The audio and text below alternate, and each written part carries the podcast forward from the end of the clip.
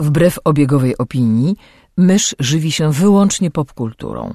Jest zwierzęciem stadnym, które lubi dzielić się tym, co znajdzie ze światem. Jej naturalnym sposobem komunikacji jest przerywany śmiechem słowotok. Słuchacie podcastu Myszmasz.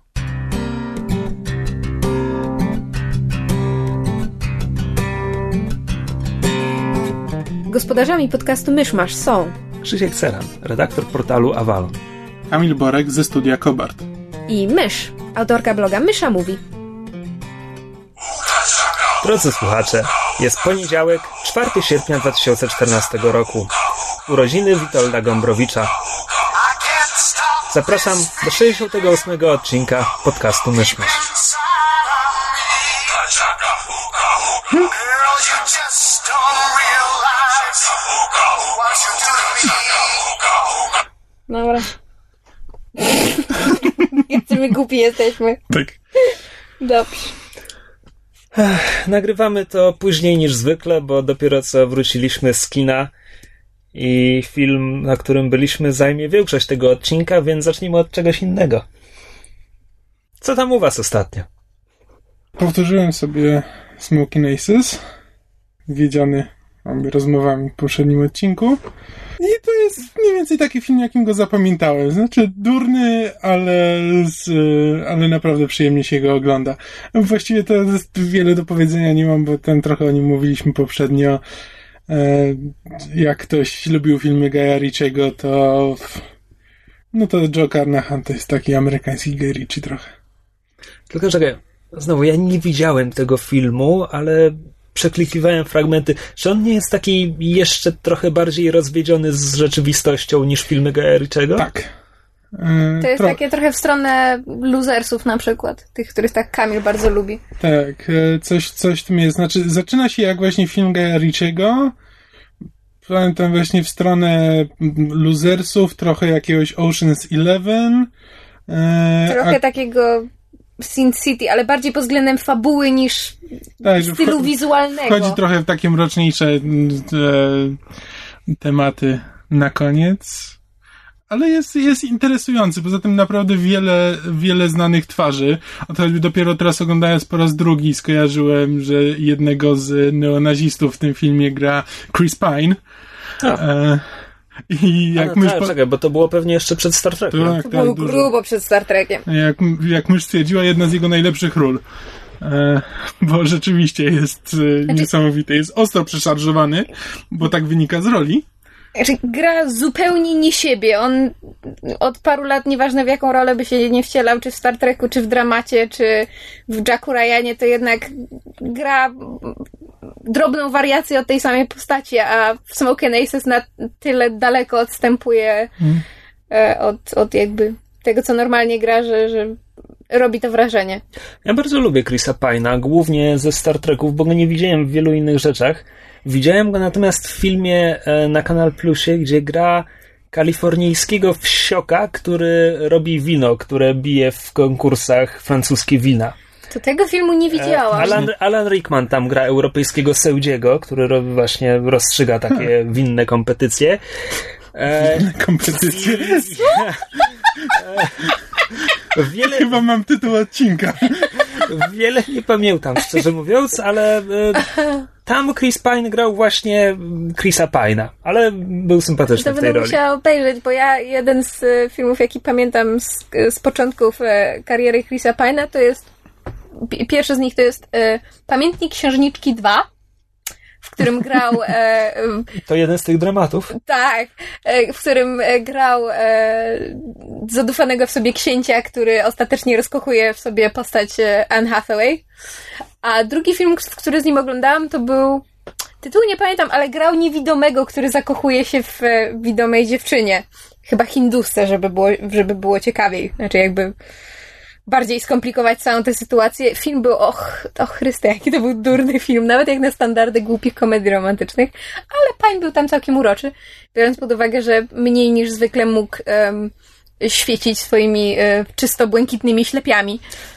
Oni mu komputerowo podkręcają ich kolor, nie? Bo No, ma no, w Star Treku tak niewiarygodnie błękitne oczełta. Ja mam nie wrażenie, może być że, naturalne. że Pine y, jest pod tym względem trochę jak Elijah Wood, to znaczy tak momentami mu podrasowują, ale tak naprawdę wystarczy, że światło odpowiednio padnie i po prostu to jest przysłowiowe baby blues po prostu.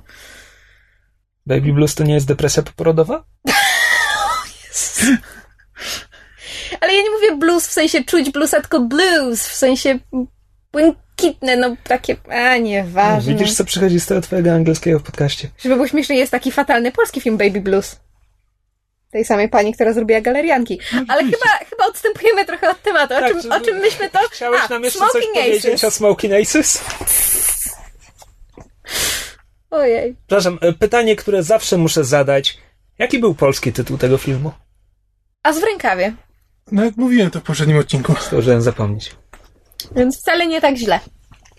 Znaczy, ja pamiętam As w rękawie jako film, na którym bardzo dobrze się bawiłam, bo jest w nim dużo znajomych twarzy, dużo fajnie splatających się wątków e, postaci. I to, co mi w tym filmie zaimponowało za pierwszym razem i imponuje mi nadal, bo po prostu bardzo mi się podoba, to jest twist, który jest na koniec. Który rzeczywiście Mm, to jest całkiem fajne. nadaje, nadaje filmowi jakby wartości, której byś się nie spodziewał po tego typu właśnie trochę oderwanej od rzeczywistości e, nawalance. Tak, poza tym jak na film, który ma niesamowitą ilość postaci, tam jest kilkunastu tych e, agentów i morderców, którzy się przewijają przez ekran, e, to, to, to całkiem fajnie jakby tak rysuje no, trochę pobieżnie, ale jakby mamy taki smaczek każdego, e, każdego z nich charakteru, tam czasami jako grupy, no na przykład ci neonaziści, no to funkcjonują bardziej jako grupa, albo ewentualnie grupa plus Chris Pine, e, ale, ale mamy taki, e, ale każdy, każdy z nich, każde, e, każda z tych postaci, film polega na tym, że wszyscy ci zabójcy na zlecenie próbują zabić jeden cel. Próbują zabić jakiegoś showmana z Las Vegas. I jakby od tego się zaczyna, że po prostu jak- jakby wszyscy, wszyscy lądują w tym samym miejscu i się robi lekka rozpierducha. No to jakby, ponieważ mamy tak dużo i mamy taką rozpierduchę, to jakby łatwo, łatwo by było zgubić te postaci, albo że mogłyby być po prostu e, bez wyrazu. A Jakby każda z nich ma jakiś taki smaczek, który sprawia, że e, coś do nich czujemy, niezależnie od tego, czy to jest jakaś tam sympatia, czy zwykła odraza, to przynajmniej się od, czymś od, sie, od siebie różnią. I Ben Affleck się pojawia na... mm, Ułamek sekundy. Ale nie, no ma tam taką rozsądną rolę. Nie, w każdym razie jest bardzo, ba- ba- bardzo dużo znajomych twarzy. Jeżeli ktoś lubi takie klimaty, to, to jak najbardziej może mm, poświęcić wieczór i nie sądzę, żeby był zawiedziony. To jest naprawdę kawał dobrej, mm, fajnej rozrywki. Nie jakoś wybitnej, Jeśli ale... ktoś lubi filmy Ritchiego i na przykład widział drużynę A, ten remake i mu się podobała, to myślę, że to jest właśnie gdzieś tak pomiędzy jednym a drugim. Widać, że to jest właśnie Joe Carnahan, to jest jeden z jego pierwszych filmów i to jest jeszcze ten, gdzie chyba się na, naprawdę, naprawdę się starał. Jakby widać tak. Tak jak zapowiadałem, nie wiem, dwa odcinki temu przeczytałem drugiego Pratchetta z żołdu. E, I ponieważ dwa odcinki temu mówiłem, czemu lubię Pratchetta ogólnie, to jest mój ulubiony autor, to teraz będę mówił bardzo konkretnie o książce, którą przeczytałem. To była Maskarada. E, I choć od poprzedniej, którą czytałem, czyli Panów i Dam, dzieli ją kilka innych książek, to jest to bezpośrednia kontynuacja tamtej, bo to była pierwsza, w której wracał do Wiedźm, więc tam nie wiem, chyba trzy miesiące dzieli zakończenie Panów i Dam od, od początku Maskarady. Mm. I co mogę o niej powiedzieć? Jest w, mnie, w niej dużo mniej takich uniwersalnych tematów w porównaniu z poprzednią. To jest dużo bardziej prosta fabuła. To jest po prostu Pratchett nabija się z opery. I ta książka jest zabawna, jest zabawniejsza od Panów i Dam, ale ogólnie wolę, wolę tę poprzednią. E, między innymi dlatego, że nie ma chyba formy kultury, która byłaby mi bardziej obca niż opera. E, w związku z czym, w związku z czym Jeśli tam są, że tak powiem, inteligentne nawiązania do opery, to ja ich kompletnie nie widzę. Więc zostaje, zostaje dla mnie tylko ta najprostsza warstwa dowcipu. E, fabuła jest e, koszmarnie pretekstowa. Chodzi o to, że po, po ostatnich przygodach babcia Weatherwax zaczyna się nudzić, ale w życiu by tego nie powiedziała. A ona jest pod tym względem trochę jak Sherlock Holmes. Znaczy, kiedy zaczyna się nudzić, istnieje ryzyko, że Sherlock Holmes dawał sobie w żyłę, istnieje ryzyko, że ona, żeby się czymś zająć, zostanie złą wiedźmą. E, więc jej przyjaciółka, nianiok, tam szuka czegokolwiek, żeby, nie, żeby ją zająć.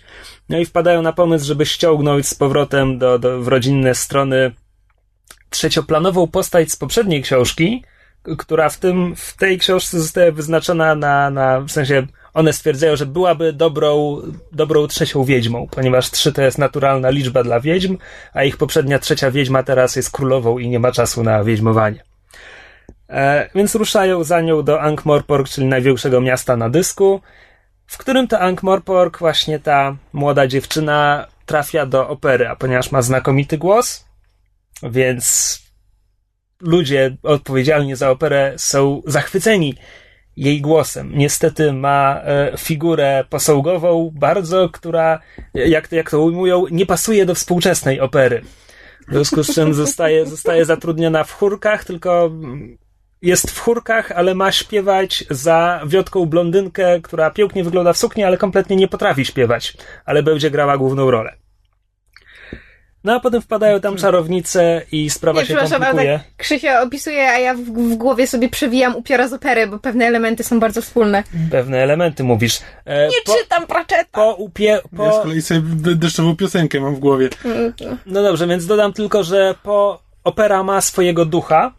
E, mężczyznę w wieczorowym stroju, który przemyka się niezauważony w białej masce, zostawia bileciki chwalące co lepsze występy oraz e, bukiety dla co lepszych śpiewaczek, a potem zaczyna mordować ludzi w operze. I zespół dotąd uznawał ducha za coś, co przynosi im szczęście, więc nie do końca rozumieją, czemu teraz zaczyna mordować, więc jest tam tajemnica, a dość prosta, umówmy się. No i tak, i w to wszystko potem wmieszają się wiedźmy i sprawa się komplikuje. I to jest autentycznie bardzo zabawna książka, no ale to jest taka właśnie mm, komedyjka w stylu wcześniejszych Pratchettów. Więc ma swój urok, natomiast e, no, składa się głównie z dowcipów. To ja z kolei już jakiś czas temu, e, jakiś czas w kwestii książek umyszę, to są do trzech dni, e, skończyłam wreszcie czytać e, trzeci tom e, sagi Graceling, którą tak pieczołowicie i namiętnie Gorczyczkę błękitną. Czyli cicho to jest trzeci tydzień z rzędu, kiedy o tym mówisz i to jest trzeci tom, o którym mówisz, prawda? Dobrze liczę? Chyba właśnie jakoś tak, Tak. bo Ładny przerób. czytywałam, nie, jak dla mnie to jest kiepskie, ale czytywałam ją tylko w drodze do i z pracy i w e, jedynym słusznym miejscu, czyli w toalecie i w wannie. Bo nauczyłam się trzymać Kindle tak, żeby go nie upuścić do wanny. E, co niekoniecznie oznacza, że go parę razy nie, nie zmoczyłam. E, Nie ładuj go przy tym, co? jak dobrze mi życzysz. E, wracając do, mm, że tak powiem, meritum. E, trzeci tom, Bitter Blue, jak to Krzysio się nabija gorczyczka. Autentycznie nie wiem, jakie jest polskie tłumaczenie, ale będę musiała sprawdzić. Em, jest pod wieloma względami inny niż pierwszy i drugi tom. E, Pierwszy i drugi, tak jak wspominałam, były pisane stosunkowo prostym językiem. Trzeci się pod tym nie różni, ale jeśli chodzi o fabuły, jest już znacznie bardziej skomplikowany. I to przeskok między drugim tomem a trzecim pod względem jakby ilości wątków i skomplikowania fabuły i tego, ile jest tajemnic i ile rzeczy nie wiemy i, i jak bardzo to jest wszystko pogmatwane, jest tak duży, że ja autentycznie przez moment byłam zniechęcona. Po prostu uznałam, że e, autorka e, ugryzła zbyt duży kęs i że po prostu nie będzie w stanie tych wszystkich tajemnic i, i, i twistów przerobić jakby do końca, do, książka, do końca książki.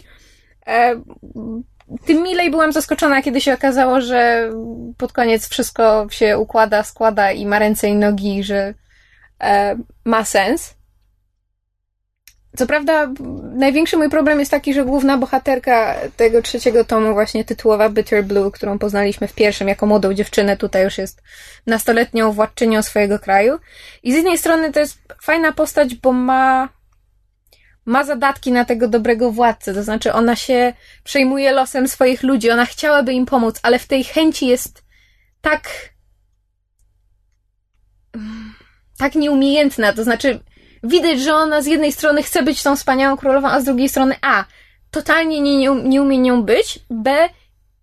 Nie wie, jak temu zaradzić. Czyli to jest ta tytułowa Bitterblue, tak? Tak. I ona była w poprzednim, w pierwszym tomie? Jako, jako dziecko młode. Aha. Ale mamy- tam była jakaś istotną postacią, czy E, w tle? W sensie, czy czytelnik miał szansę ją poznać, czy, czy po prostu była? Miał szansę ją poznać, no ale jakby mm, to, to, to była postać na zasadzie ta mała dziewczynka, której wszyscy bronią, bo ona kiedyś zbawi świat. To było mniej więcej na tej zasadzie.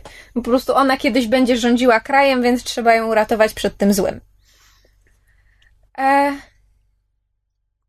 I jakby rozumiem, że y, nasza główna bohaterka tutaj w trzecim tomie, że ona ma swoich e, advisors, swoich, prawda, doradców i pomocników, którzy mają jej pomagać rządzić krajem, a tak naprawdę nie wiadomo, czy większość z nich jest spełna rozumu, ale jakoś nie wiem, miałam drobny dysonans między tym, że bohaterka z jednej strony ma dobre chęci, dobre serce, jest rezolutna i do pewnych rzeczy dochodzi bez problemu, a z drugiej strony nie jest w stanie podjąć żadnych stanowczych decyzji. Jakoś nie leżało mi to z, z, z jej charakterem i z jej chęciami bycia tym dobrym władcą, który podejmuje słuszne decyzje, skoro nawet nie jest w stanie powiedzieć swojemu doradcy, e, nie wiem, przestań mi kłamać, albo powiedz mi prawdę. No po prostu nie jest w stanie wyegzekwować nawet najprostszych em, informacji. Co nie zmienia faktu, że bardzo, bardzo mi się podobało, jak rozwinęła się fabuła. Nietypowo, bo w sumie nie było, nie było żadnego nachalnego trójkąta miłosnego, w ogóle wątki miłosne były bardzo subtelnie zarysowane, a potem właściwie porzucone na rzecz takiego grand finale, który łączył wątki e, pierwszej i drugiej części razem z trzecią. Fanali? Cia, Grand Finale? grand finale. To zemsta za te, jak to było? Mów dalej, mów dalej. Wieczne kompilacje? Co to było? Co Krzysiek Palno? Winne kompetycje. Wieczne kompilacje, też dobrze. E, w każdym razie jestem, jestem bardzo zadowolona z, że tak powiem, z czasu poświęconego na lekturę i, i z przyjemnością teraz będę e, e, polowała na książki w wersji papierowej, bo czytałam je w e-booku, a jednak te książki, które mi się podobają i do których czuję chęć powrotu po jakimś czasie, lubię mieć jednak na, na półce w, w formie papierowej. I tak jak mówiłam przy pierwszym i przy drugim tomie, jeżeli ktoś lubi, tak jak ja, Young Adult Novels, jeżeli lubi proste, ale fajnie skonstruowane fantasy, e, jeżeli nie odrzucił go bardzo dziwny opis świata e, z drugiego tomu, który omawialiśmy w jednym z ostatnich odcinków, to jak najbardziej polecam. E, seria się nazywa The Graceling Realm. Autorka się nazywa Kristen Kasher i z tego co wiem, przynajmniej pierwsze dwa tomy można dostać po polsku. Właśnie sp- sprawdziłem na Wikipedii, bo chciałem zobaczyć, czy jest tłumaczenie tego Bitter Blue, ale nie, bo jakby z, y, obie książki, Gracing jest jako wybrańcy, Fire jest jako iskra i tylko te dwie są wydane po polsku, a Bitter Blue jeszcze nie. No. Patrz, niby książka, pierwszy tom się nazywa Wybrańcy, ale w środku już podobno są obdarzeńcy, jako ci Graceling. Ha, ciekawe. Natomiast to ten, o, o, to tyle dziwne, że oba są wydane w 2011. Yy, Bitter Blue jest z 2012, jeszcze się nie doczekało polskiej edycji, więc może się nie sprzedało. No, no ale polecam. To e, ja z kolei, ponieważ e, wyszedł ostatnio trailer do nowego Mad Maxa e, z Tom Hardym e, i trailer zrobił na mnie duże wrażenie, nie wiem jak tam na, na was. Znaczy, to jest, okej, to jest rozpierducha, po prostu zrobił na mnie wrażenie rozpierduchą, e, bo jakby o samym filmie nie mówi nic. Znaczy, E. jedno to jest rozpierducha, drugie to są te dosłownie przebłyski jakby świata przed... Mhm. Jak to... Tego, jak ten świat został zwizualizowany, Mhm. bo po prostu i makijaże, i te pojazdy, i stroje, jakby cały świat w tym nowym Mad Maxie wygląda bardzo fascynująco i to jest chyba jeden z powodów, dla których pójdę i podejrzewam, miejmy nadzieję, że nie na wyrost, ale podejrzewam, że dla mnie ten nowy Mad Max będzie tym, czym był e, Dread najnowszy, czyli takim filmem, na który w życiu bym chyba nie poszła, a który mi się szalenie spodobał. A propos, bo to jest nowy Mad Max, ale to jest reboot, to jest sequel, to Tak jest... naprawdę to nie wiemy. Ja nie wiem. Wygląda na to, że to, że to może być sequel. E, bo e, z, zacząłem od tego, że ponieważ obejrzałem ten trailer, to postanowiłem sobie obejrzeć e, oryginalną trylogię Mad Max. Szczególnie, że ten, e, że ten nowy film jest tego samego twórcy. I chciałem zobaczyć, ponieważ jakby po trailerze tak stwierdziłem, że kurczę, fajnie to wygląda, tylko czy za tym stoi jakaś myśl, czy za tym będzie jakaś fajna fabuła, czy, te, czy ten film będzie o czymś, czy po prostu będzie trzeba pójść na to, żeby popatrzeć na obrazki. Przypomnij mi, pierwszy Mad Max to jest po prostu Mad Max, tak? Tak. A drugi to jest Mad Max y, Road Warrior. Czy The Aha, Road czyli Warrior. trzeci to jest Kopuła Gromu. Tak. I na razie obejrzałem tylko pierwsze dwa, nie zdążyłem jeszcze Kopuły Gromu. Dobra, czy ja dobrze pamiętam, że ten pierwszy to nie jest szczególnie postapokaliptyczny? Nie jest. Pierwszy jest, wygląda na to, że jest w ogóle robiony za śmieszne pieniądze. Bo to jest, się wszystko odbywa na jakichś bocznych drogach, które udają autostrady chyba. E, I wszędzie dookoła jest taki pustkowie, ale trawiaste pustkowie. Plus tam jakieś, wiesz, e, garaże i tam jakieś domki. Ale to wygląda jak brytyjska wieś. To jest chyba australijska wieś. Australia. E, ale wygląda jak wieś, ale nie, na pewno nie, to nie jest to post-apo, e, które jakby kojarzy się, kiedy słyszy się słowa Mad Max, no to jakby od razu masz przed oczami skórę i piach. Tak, i czy E. filmy wyjaśniają, czemu, czemu to potem jest... Wiesz co, bo w, w, jest duży przeskok czasu między pierwszym a drugim po prostu. Aha. E, jakby w pierwszym filmie, pierwszy film polega na tym, że e, Max jest e, policjantem, tamtejszym, znaczy to jest już post-apo, tylko że po prostu nie takie pustkowiane post-apo, bo to już jest jakby szczątki, takie szczątki cywilizacji, ci policjanci to, wiesz, to jest, mają jedną chałupę, jest tam ich pięciu na krzyż e, i tak naprawdę niewiele mogą zdziałać i mają, wiesz, jakieś stare samochody, które ciągle się psują. E, No i ścigają, ścigają bandytów, którzy tam sobie jeżdżą, e, jeżdżą po drogach i e, robią co chcą. To jest takie bezprawie, ale jeszcze nie, mm, jeszcze nie pustkowia. No i Max, no zasadniczo Max ma piękną żonę, mają wspólnie śliczne dziecko, ale Max wchodzi w drogę jakiemuś właśnie gangowi motocyklistów, no i musi uciekać. I tak naprawdę cały pierwszy film to jest e, origin story. E, bo w pierwszym filmie Max jest ułożonym, e, ułożonym, normalnym człowiekiem, który chce po prostu żyć w spokoju. E, Pod koniec filmu robi się wściekły. tak, jakby e, tytuł filmu i to, w jaki sposób poznajemy Maxa, e, jakby dużo, ju- już samo jest spoilerem. E, I to jest właśnie origin story, które tak naprawdę współcześnie to byłby pierwszy akt. Tylko, że jest rozciągnięty na półtorej godziny. I to nie jest dobre. E, jako, je, fabularnie, strukturalnie ten film lekko leży, znaczy e, Max ucieka przed tymi e, e, przed tym gangiem, oni go niby ścigają, ale on ich gubi, ale potem przypadkiem się na nich natyka, ze dwa razy co najmniej.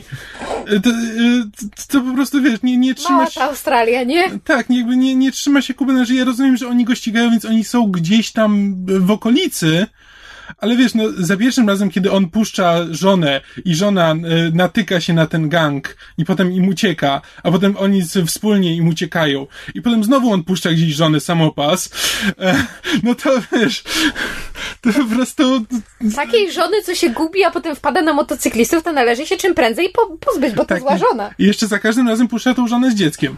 E, A co się będzie facet dzieckiem zajmował? No co ty w ogóle wyobraźni nie masz? No właśnie, więc te, ten film, jeśli chodzi o fabułę, to leży. Jeśli chodzi o aktorstwo, Jest no to Mel jest, Gibson. jest Mel Gibson, ale to jest jeszcze młody Mel Gibson. E, a Czekaj, reszta, mówisz to jako komplement czy jako belgę? e, Aha. ra, raczej nie kompletnie. Ten jest obelga, on nie jest złym aktorem, ale to jeszcze... Ale czy on kiedykolwiek był szczególnie dobrym aktorem? Ja tam? Bravehearta lubię. Nawet jeśli nie był dobrym aktorem, to był aktorem wiesz, z dużą charyzmą. Znaczy, No tak. niezależnie od tego, a tutaj tak no, snuje się trochę po tym ekranie i właściwie mm, ani charakteru jakiegoś nie przedstawia, e, bo chyba sam reżyser nie wie za bardzo, jaki on ma mieć charakter. Okej. Tak, ten, ten film, strukturalnie on leży, strukturalnie on nie ma, nie ma No w sobie dobra, nic. czy ma jakieś zalety? E, nie. Dobra. Nie, prawdę mówiąc, naprawdę nie jestem w stanie znaleźć żadnej szczególnej zalety tego filmu.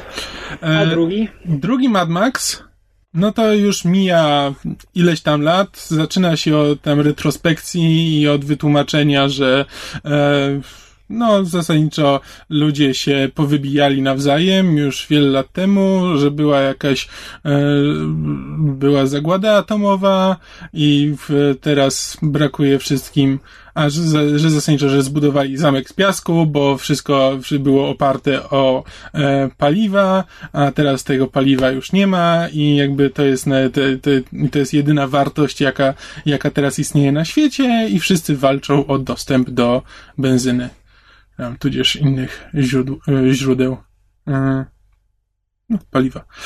E, i z, no i mamy Maxa, który już teraz zasłużył na miano Mad Max i już widać, że już tam krąży po tych pustkowiach wiele lat. Już nabrał doświadczenia. E, I teraz e, i Max tam przez przypadek dowiaduje się, że gdzieś, e, gdzieś tam jest stara rafineria, którą ktoś przywrócił do używalności i produkuje tam sobie paliwo i że tam, że tam ludzie żyją.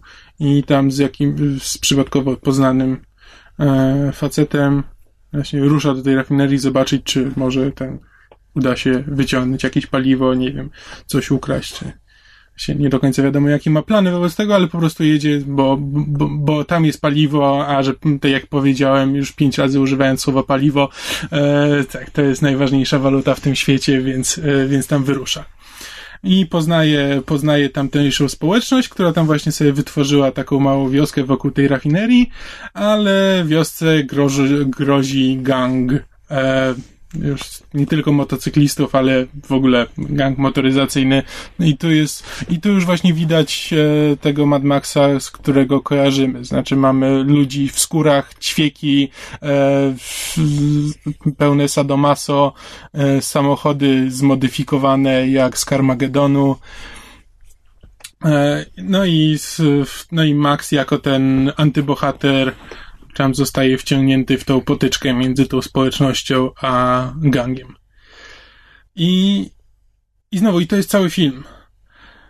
I jakby oglądając te dwa filmy, tak stwierdziłem, że to nie są dobre filmy, ale to byłby bardzo fajny serial. Bo to jest taki, to jest właśnie taka bardzo epizodyczna formuła, gdzie mamy po prostu tego bohatera, który tam się snuje po pustkowiach i napotyka różne dziwne rzeczy. Nie znam, s- nie znam Thunderdome, ale no, z tego co wiem o tym filmie, no to wygląda mniej więcej to samo, że Mad Max natyka się na Thunderdome i tam się dzieją jakieś różne dziwne rzeczy.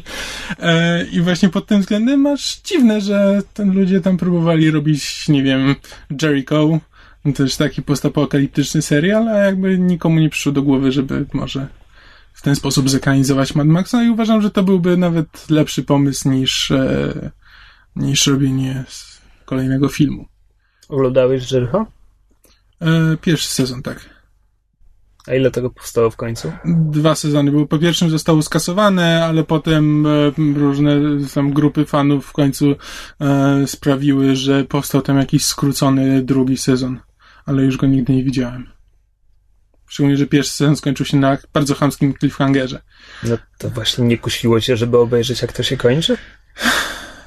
Trochę tak, ale tam minęło naprawdę ze 2-3 lata, trochę o tym serialu zapomniałem i ten cliffhanger był na tyle jakby chamski, że właściwie stwierdziłem, że a jak macie tak zamiar kończyć e, sezon, to mam was w dupie. Aha, Okej. skoro jesteśmy przy serialach, e, to ja skończyłem drugi sezon Angela. I poszedł mi dużo szybciej od pierwszego sezonu, ponieważ był dużo lepszy od pierwszego sezonu. E, I tak jak. Dobra, czemu narzekałem na pierwszy? Składał się z samych osobnych odcinków, nie miał żadnej myśli przewodniej e, i właściwie to nawet finału po prostu nie miał. Po prostu miał odcinek, który kończył sezon i tyle. E, tutaj jest myśl przewodnia, bardzo fajna. Jest, e, jest to rozciągnięte na cały, na cały sezon. E, I nawet jakieś wątki poboczne są, są przeplatane, tak, że coś zostaje zasygnalizowane w, na przykład w pierwszym odcinku, żeby, żeby wrócić w drugim czy trzecim, gdzie wtedy na przykład coś, co było przez 10 sekund na ekranie, jest nagle tematem odcinka. Rzeczy w ten sposób są, są e, robione i to jest bardzo przyjemne. E, Whedon chyba wreszcie stwierdził, że, że nie musi tak bardzo się opierać na Buffy, bo w pierwszym sezonie tam są, nie wiem, ze cztery czy pięć występów gościnnych ludzi ze stałej obsady Buffy, żeby, żeby jakoś pociągnąć Angela. Tutaj już nie ma potrzeby, żeby, żeby tak się tym podpierać. I to wszystko jest bardzo fajne. A myśl przewodnia jest taka, że. Dobra, będą spoilery do Buffy. Ja nigdy nie lubiłem Angela, zwłaszcza na tle Spike'a, bo był po prostu nudny. To znaczy, Angel był fajnym przeciwnikiem, kiedy był zły. E, był dużo ciekawszym przeciwnikiem niż, niż pozytywną postacią. Mhm. Tylko, że e, ten, ten psztyczek, ten przełącznik, że no, on jest dobry, bo ma duszę, ale może ją stracić i wtedy wróci do bycia złym, tak jak był 100 lat temu. To jest tak niesamowicie nudne i banalne. Tego nigdy nie lubiłem. I potem, kiedy pojawia, pojawia się Spike, czy potem, kiedy Spike zaczyna ewoluować i okazuje się, że może, może być tym wampirem bez duszy i jednocześnie jakoś odnaleźć w sobie bohatera, no to było, to było nieporównalnie ciekawsze. To prawda. Tutaj, w drugim sezonie Angela, mamy, wciąż mamy tę złą firmę złych prawników, Wolfram and Hart. Po dwóch sezonach ja wciąż nie wiem, o co im chodzi. Znaczy, w tym momencie chyba po prostu chodzi o to, że oni służą złu. Oni, oni po prostu są po to, żeby złu było łatwiej na tym świecie. Nie wiem, to jest chyba naj, najgłębszy motyw, jaki dotąd odkryłem. No, ale to jakby Buffy taki, tacy, tacy ludzie się pojawiali na to. Może. A w każdym razie wyciągają pewną postać z przeszłości Angela, e, żeby wykorzystać e, ją przeciwko niemu. I robią to tak skutecznie, znaczy to jest, to jest cały wątek na, na 3 czwarte sezonu mniej więcej, tam są, tam są wzloty i upadki, i zwroty akcji, w każdym razie robią to tak skutecznie, że naprawdę zachodzą Angelowi za skórę i ten serial jest, y, znaczy ten sezon właśnie bada to, jak, jak zły i mroczny może stać się Angel, mając duszę. W sensie, i on, ciekawe. i on naprawdę robi paskudne rzeczy w tym sezonie i dlatego to był bardzo fajny sezon. A potem jest finał. I tak jak pierwszy sezon nie ma żadnego finału, po prostu jest odcinek, który kończy sezon, tutaj jest, mm, jest finał, jest, jest epicki finał. Historia kończąca sezon jest rozciągnięta na cztery odcinki. Problem polega na tym, że one są z kompletnie innej bajki. Aha. To znaczy, tematycznie tam coś jest, wiesz, tralalala, czy Angel jest człowiekiem, czy bestią, tralalala. Nie, da się to uzasadnić, mniej więcej. Natomiast fabularnie nie, ta historia nie ma żadnego związku z tym, co działo się wcześniej.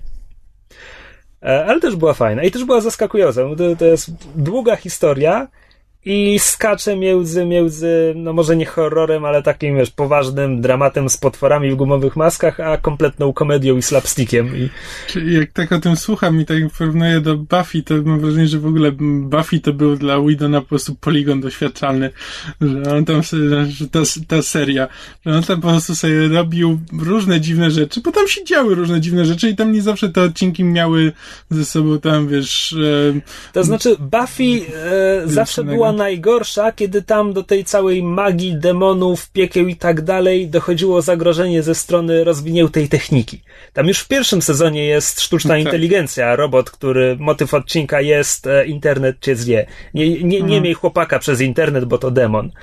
E, potem w tym tragicznym czwartym sezonie jest zreanimowany zombie cyborg, który jest głównym zagrożeniem i to było straszne. Mówię, że po prostu sobie patrzył, co może zrobić, i tylko że no później, później to wykorzystał na szczęście e, doświadczenia zdobyte, wykorzystał mm, e, służąc dobru, że tak powiem, tworząc Firefly'a. Ale a propos, a propos poligonu eksperymentalnego i tak dalej. Mówiliśmy kiedyś przy okazji agentów tarczy, że ta nieszczęsna Sky, że to jest taka postać, którą parę lat temu jeszcze zagrałaby Eliza Duszko, teraz, Mhm. teraz jest trochę stara, bo Whedon ma po prostu, ma typ. Tak. Ma typ postaci kobiecych, które lubi z jakiegoś powodu. Pod koniec drugiego sezonu Angela debiutuje postać grana przez Amy Acker i to jest Proto River. To, to jest po prostu Proto River. No nawet ja wiem, a nie oglądałam Angela. No, w każdym razie y, byłem bardzo pozytywnie zaskoczony skokiem jakościowym i zobaczymy, czy się utrzyma w trzecim sezonie. To ja jeszcze wspomnę e, szybciutko, e, ponieważ e, e, ostatnio tam była jakaś wyprzedaż na e, w PlayStation Store i sobie kupiłem serię e, Oddworld, która z, e, pierwsze dwie to jest e, dwie gry z serii to jest Abe's Odyssey i Abe's Exodus e, po kolei.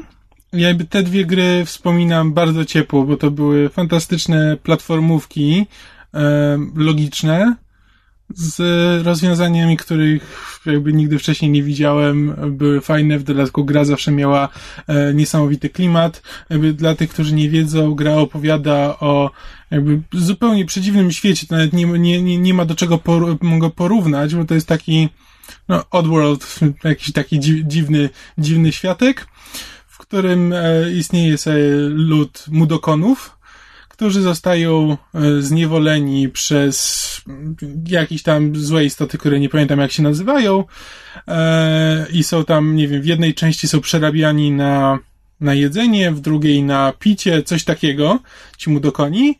I właśnie Abe, jako jeden z nich, e, z pomocą tam jakichś duchów, próbuje wszystkich uratować. I tam ma trochę tam psionicznych mocy, może przejmować e, kontrolę nad, e, nad wrogami, ale tak poza tym jest e, bezbronny. Jakby może tylko z odległości to wszystko robić. Przypomnij mi, z którego roku są te gry. To jest druga połowa lat 90. Tak, coś takiego. Bo ja pamiętam Apes Exodus, to była druga część? Druga część, tak. Zdecydowanie lepsza. Ja pamiętam tę grę, grałem w nią, grałem w nią bardzo długo.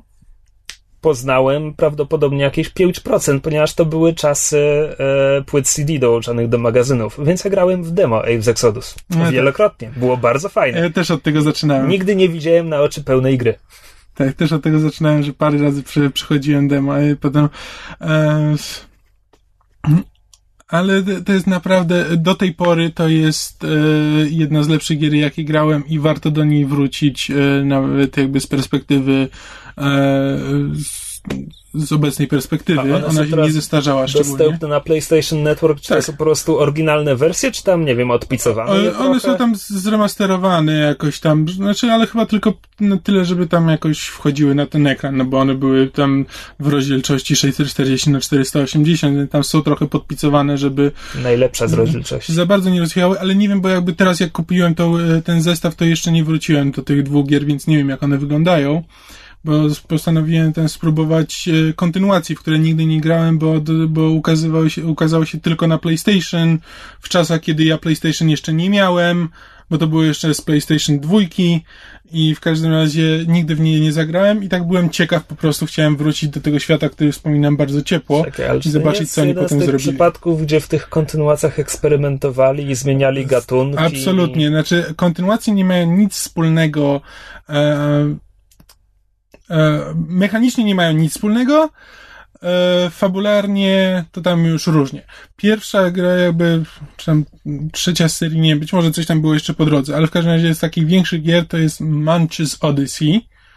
Munch to jest zupełnie nowa postać, e, jakiś taki rybokształtny, rybokształtne stworzenie, które właśnie też przez przypadek tam się dostaje w, do niewoli przez jeszcze inny, inną rasę e, dziwnych stworzeń.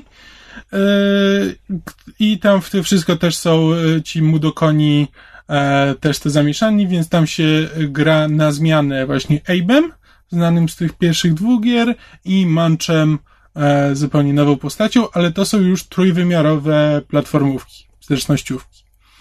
Coś takiego. I jest ten, jest też ten element e, znany z pierwszych gier, gdzie trzeba, e, gdzie spotykając innych mudokonów możemy im wydawać rozkazy, mówić im, żeby tam poszli za nas i tam e, kazać im robić różne rzeczy, bo na tym się opierały głównie te pierwsze gry.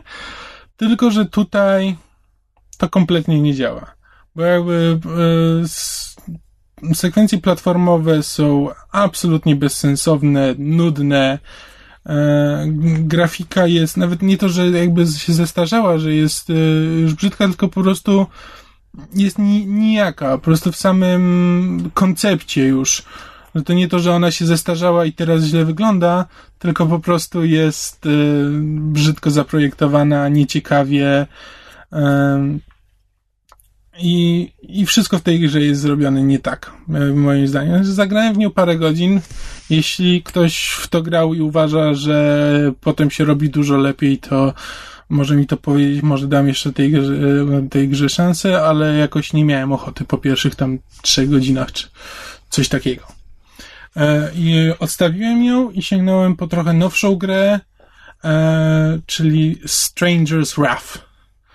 E, Stranger to jest znowu nowa postać i teraz już to, co widzimy w tej grze, przynajmniej też znowu grałem w to tam ze 3-4 godziny, e, to jak na razie nie ma nic wspólnego też z pierwszymi częściami. Stranger jest zupełnie nową postacią i ta gra ma taki bardziej westernowy charakter, gdzie właśnie Stranger jest takim zbójem, łowcą nagród i na łowieniu nagród polega cała gra. Znaczy, mamy. Znaczy, on tam czegoś szuka, bo chce, potrzebuje pieniędzy na jakąś tam operację, nie wiemy jeszcze jaką, ale potrzebuje właśnie zebrać pieniądze i tak podróżuje od miasta do miasta i tam zbiera, e, właśnie szuka tam e, nagród i, e, i potem Ale co się właściwie robi w tej grze? Na czym Robi się, gameplay zno, polega? gameplay jest znowu e, trójwymiarowa zręcznościówka z zapleców bohatera, z możliwością przejścia do trybu pierwszoosobowego i to jest akurat ważne, to nie jest tylko tam em, taki sobie dodatek, bo to polega na tym, że dostajemy jakąś tam nagrodę i musimy pójść do jakiegoś tam nowego miejsca. I zazwyczaj to są takie w miarę w miarę otwarte poziomy, nie za duże, ale takie trochę jakby areny. Eee, I Stranger ma kuszę, z której może wystrzeliwywać najróżniejszego rodzaju e, małe stworki, które mają różne działanie. Znaczy mogą albo ogłuszyć przeciwnika, albo ma takie pajączki, które go splatają siecią, albo e, takie zębate, zębate stwory, które po prostu zaczynają gryźć przeciwników i, e, i ich rozpraszać i tego typu, tego typu różne rzeczy, że po prostu mamy kuszę, która tak naprawdę ma po prostu pociski z różnymi, z różnymi działaniami. E, I jakby polega to na tym, że jakby w, w otwartej walce nie mamy za dużo możliwości, ale trzeba to robić, trzeba to robić na, e, trzeba walczyć na partyzanta. E, I jest to całkiem przyjemne. Muszę powiedzieć, że z, jest to całkiem, całkiem fajnie pomyślane i jest to w ogóle koncept, który jest, e, który jest interesujący i ciekawy i, e, e, i rzadko spotykany. A przy tym nie najgorzej zrobione. Jakby z perspektywy czasu jakby trochę sterowanie jest, e, jakby nie jestem przyzwyczajony do sterowania, bo już się tego tak nie robi, bo na przykład, żeby e, przejść, żeby strzelać z kuszy, to trzeba nacisnąć prawą gałkę i wtedy przechodzi do trybu pierwszoosobowego i jakby zupełnie się e, zmienia, zmienia sterowanie w trybie pierwszoosobowym i jest to trochę dezorientujące na początku, bo teraz by się to po prostu przepisało pod triggery, jakby nie byłoby problemu, ale Czekaj, jakoś... ile, ile lat ma Stranger's Wrath? To, to jest, wydaje mi się, że to jest gra z PlayStation 2 jeszcze. Na pewno? E, mam wrażenie, że słyszałem o niej wcale nie tak dawno temu, w sensie w epoce Xboxów 360 PS. znaczy, to by było dziwne, bo to jest e, remake HD. Jakby tak ma napisane w tytule, więc To mo- mogłem o remake'u słyszeć po prostu. e, być może, więc żeby po prostu to by było dziwne, gdyby on powstawał na PS3, na PS3 a Okej, nie był to w, słyszałem w może przy okazji remake'u najwyraźniej. E, Ale, te, ale jest to ciekawa gra. E, mówię, jeszcze nie wydaje jakiegoś werdyktu, bo, bo za mało w nią grałem, ale jakby to, to, co pograłem, zachęciło mnie do tego, żeby spróbować dalej. Jest to trochę powtarzalna rozrywka, ale mimo wszystko przyjemna. I tak oto chyba czas najwyższy przejść do wreszcie. tematu odcinka. Będziemy mówić o filmie Strażnicy Galaktyki i tradycyjnie zaczniemy od części bezspoilerowej, Tak jest. a potem zrobimy część spoilerową i tam już po prostu hula i dusza, diabła nie ma i zobaczymy co z tego wyjdzie. Ja w ogóle uważam, że nie powinniśmy o tym rozmawiać, tylko powinniśmy znaleźć jakiś północny seans i pójść na ten film jeszcze raz. Ja też, ja też tak myślę. Bo jest fantastyczny. Znaczy, nie wiem jak wy uważacie, ale z, m, mnie on położył na łopatki. Znaczy, to rzeczywiście jest film z tych, które chciałabym móc w możliwie krótkim czasie zobaczyć jeszcze raz, żeby e, wyłapać rzeczy, których nie zdążyłam za pierwszym razem. Znaczy, przede wszystkim, tak się chce. Krzysia się gryzie. To znaczy, Właśnie tak widzę, widzę jakąś wewnętrzną walkę w tobie. Znaczy, wewnętrzna walka jest taka, że ja chciałem całym sercem kochać ten film, a powiem, że nie kocham go całym sercem. Bawiłem się bardzo dobrze, a wciągnął mnie. Wciągnął mnie na tyle, żebym, żebym kupił pewne jego mm, mielizny scenariuszowe i kreskówkowe rozwiązania, e, zwłaszcza w finale. A było dobrze. Było dobrze. Po prostu. Nie, było dobrze. A abstrahując od rzędzenia Krzyśka, Zrzędzenia. Dla mnie ten film jest fantastyczny, po prostu właśnie takim space fantasy. E, Z naciskiem na fantazy. nie, no to jest jakby- jak najbardziej fantazy pełną gębą. To nie ma w ogóle nic wspólnego z science fiction. Ale, by- kurczę, ten film wygląda niesamowicie. I rzecz, rzecz, która jakby już przy zwiastunach przykuwała moją uwagę, to jest e, to, jak zaprojektowano e, rekwizyty, scenografię, Tak. wnętrza, wnętrze tego więzienia. rasy. E, tak, to, to, to, wszystko, to wszystko, Stat, statki kosmiczne, Znaczy, dla mnie, jest proszę, lokacje. proszę nie krzyczeć, ale dla mnie to jest jakby... Dla mnie to było porównywalna frajda z tym, jak pierwszy raz w życiu widziałam Gwiezdne Wojny. To był Tak, po prostu ale- kompletnie nowy, nieznany... Ale ja, ja miałem ca- przez świat, cały film gdzie- te same skojarzenia. wiesz, w pełni wykreowany i po prostu każdą scenę chciałabym móc zapauzować i spojrzeć na zasadzie, ojej, a tu jest taki fajny element, a tu patrzcie, jak wykreowali tę broń, a patrzcie, a ten, ten statek przypomina coś innego i w ogóle i Znaczy, dla mnie jest jakiś kontrast między tym, jak, jak zaprojektowane są rekwizyty i tak dalej, z tym, wiesz, z tym wyświetlaczem, który szwankuje na deszczu i trzeba go trzepnąć pięścią, żeby zadziałał i jeszcze on tak sobie terkocze, takie sci-fi odgłosy wydaje. To jest wszystko sci-fi z lat 80., to jest wszystko fajne.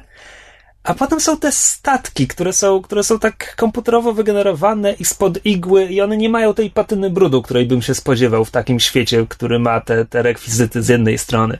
A potem jeszcze są sceny po prostu w próżni kosmosu i to jest próżnia kosmosu już z zupełnie innego wymiaru, gdzie żadna fizyka nie, nie gra roli. ale jakie są śliczne, Eee, zwłaszcza w 3D w IMAXie, bo chyba warto zaznaczyć, że byliśmy e, Tak. na, na, na ten w kinie IMAX na seansie 3D, bo mysz gdzieś tam wylukała, że em, wy, wywiad z Jamesem Gunnem, z reżyserem, który jakby mówił, że film był kręcony jakby with IMAX in mind, to znaczy jakby Z on... myślą o IMAXie. Tak, dziękuję.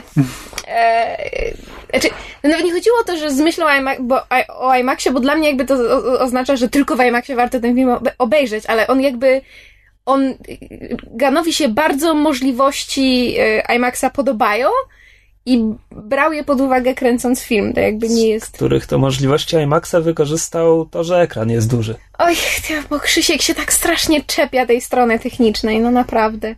Nie, nie, to jest po prostu bardzo ważne rozróżnienie, bo ja w- wprowadziłem się w błąd, tak? W, w, czytałem jakąś podobną wypowiedź i wynikło mi z niej, że, że na przykład będą sekwencje w, w formacie IMAXowym, tak jak było w Batmanie, to był chyba Dark Knight, Tak. tak, gdzie tam w niektórych sekwencjach po prostu format zmieniał się z kinowego w ten IMAXowy, czyli seri- tfu, ekran rósł w, górę i w Tak. dół. No Co to- szczerze mówiąc wybijało mnie z No filmu właśnie, i wcale nie było dla mnie ciekawe, więc, więc tutaj tego nie było, po prostu był film w formacie kinowym na ekranie większym niż w przeciętnym kinie. Co było bardzo przyjemne. Tak, właśnie muszę powiedzieć, że albo ja za rzadko chodzę do IMAXa, albo nie wiem, chodziłam na niewłaściwe filmy, e, bo byłam na, właśnie, byłam na Dark Knightie w, w IMAXie jakoś mm, nie wiem, ten film był za mroczny i za, za, za szybki i chyba zupełnie nie nadaje się do IMAXa, bo mnie na przykład zawsze się podobało to, że jak idę do kina, siadam w ostatnim rzędzie, to ja wzrokiem ogarniam cały ekran i nie ma czegoś takiego, że na przykład w rogu się coś dzieje fajnego i ja potrzebuję czasu, żeby w to miejsce spojrzeć, bo po prostu ogarniam wzrokiem cały ekran.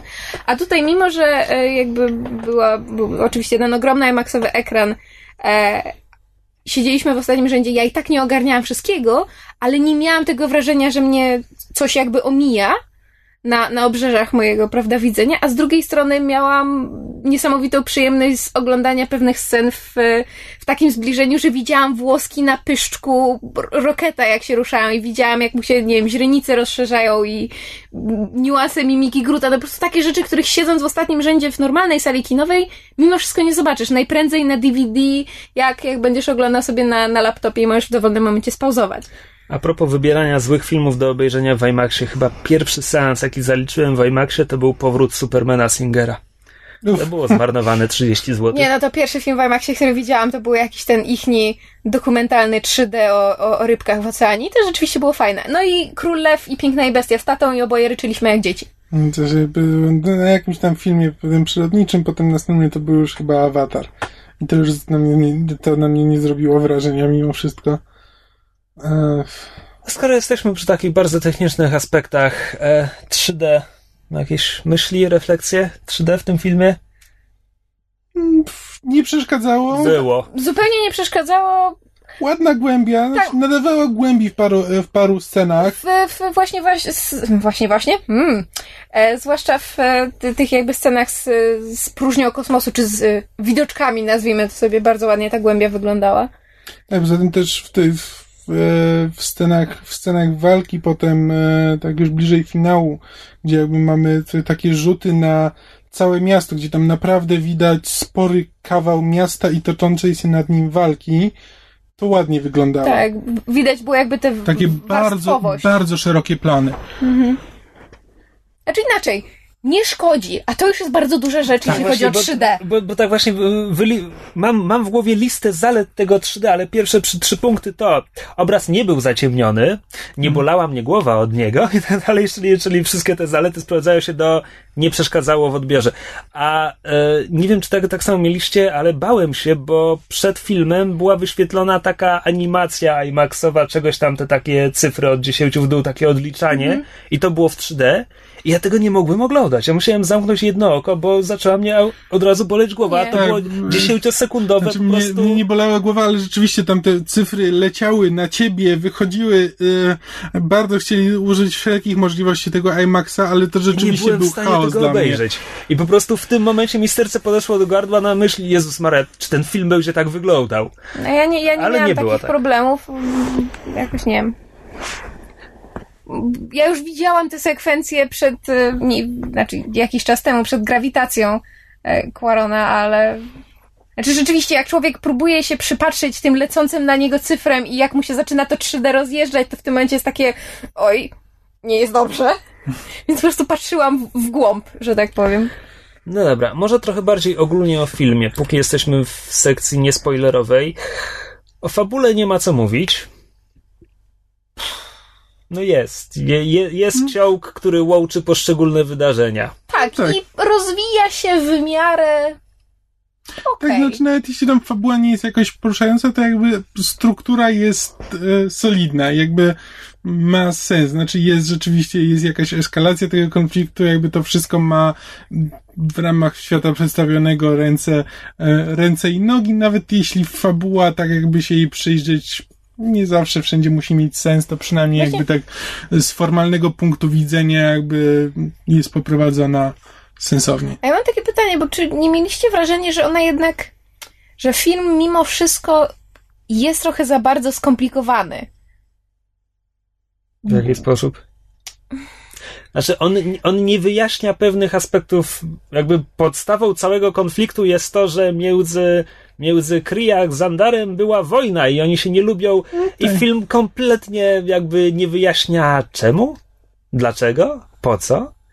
Teraz jest spokój, któremu sprzeciwia się ekstremista Ronan.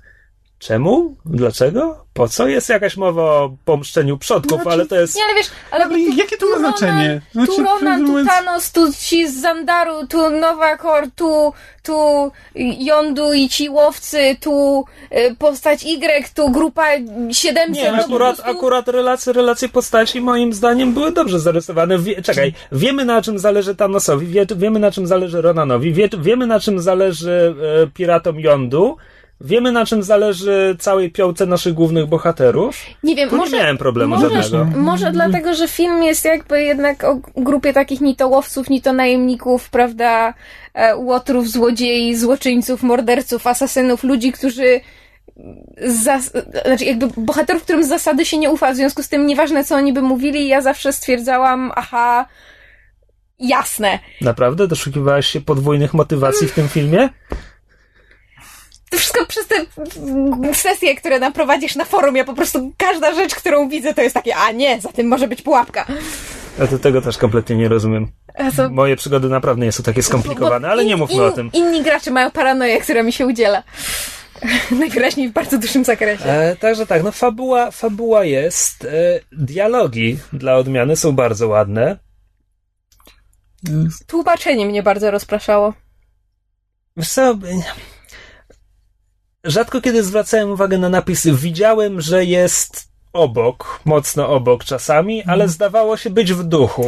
Nie, bo Znaczy, dialogi były bardzo fajne i były jakby dobrze zagrane, ale momentami były nie, nie wiem, miały jakąś taką dziwną konstrukcję gramatyczną Znaczy, i nawet Czasami miałem wrażenie, że e, tłumacz chce, tłumaczowi się wydaje, że tłumaczy Shreka i że jest wierzbiętą, bo momentami są takie jakby, jest na tyle zmieniony tekst, gdzie widać, że po prostu e, tłumacz miał jakiś pomysł, który jemu się wydawał śmieszny. To czy czasami był śmieszny, czasami nie, to już jest sprawa drugorzędna, ale jakby zupełnie nie ma nic wspólnego z tym, co mówi postać na ekranie, tylko że jest po prostu dowcip inny, w podobnym duchu, ale zupełnie zmieniony.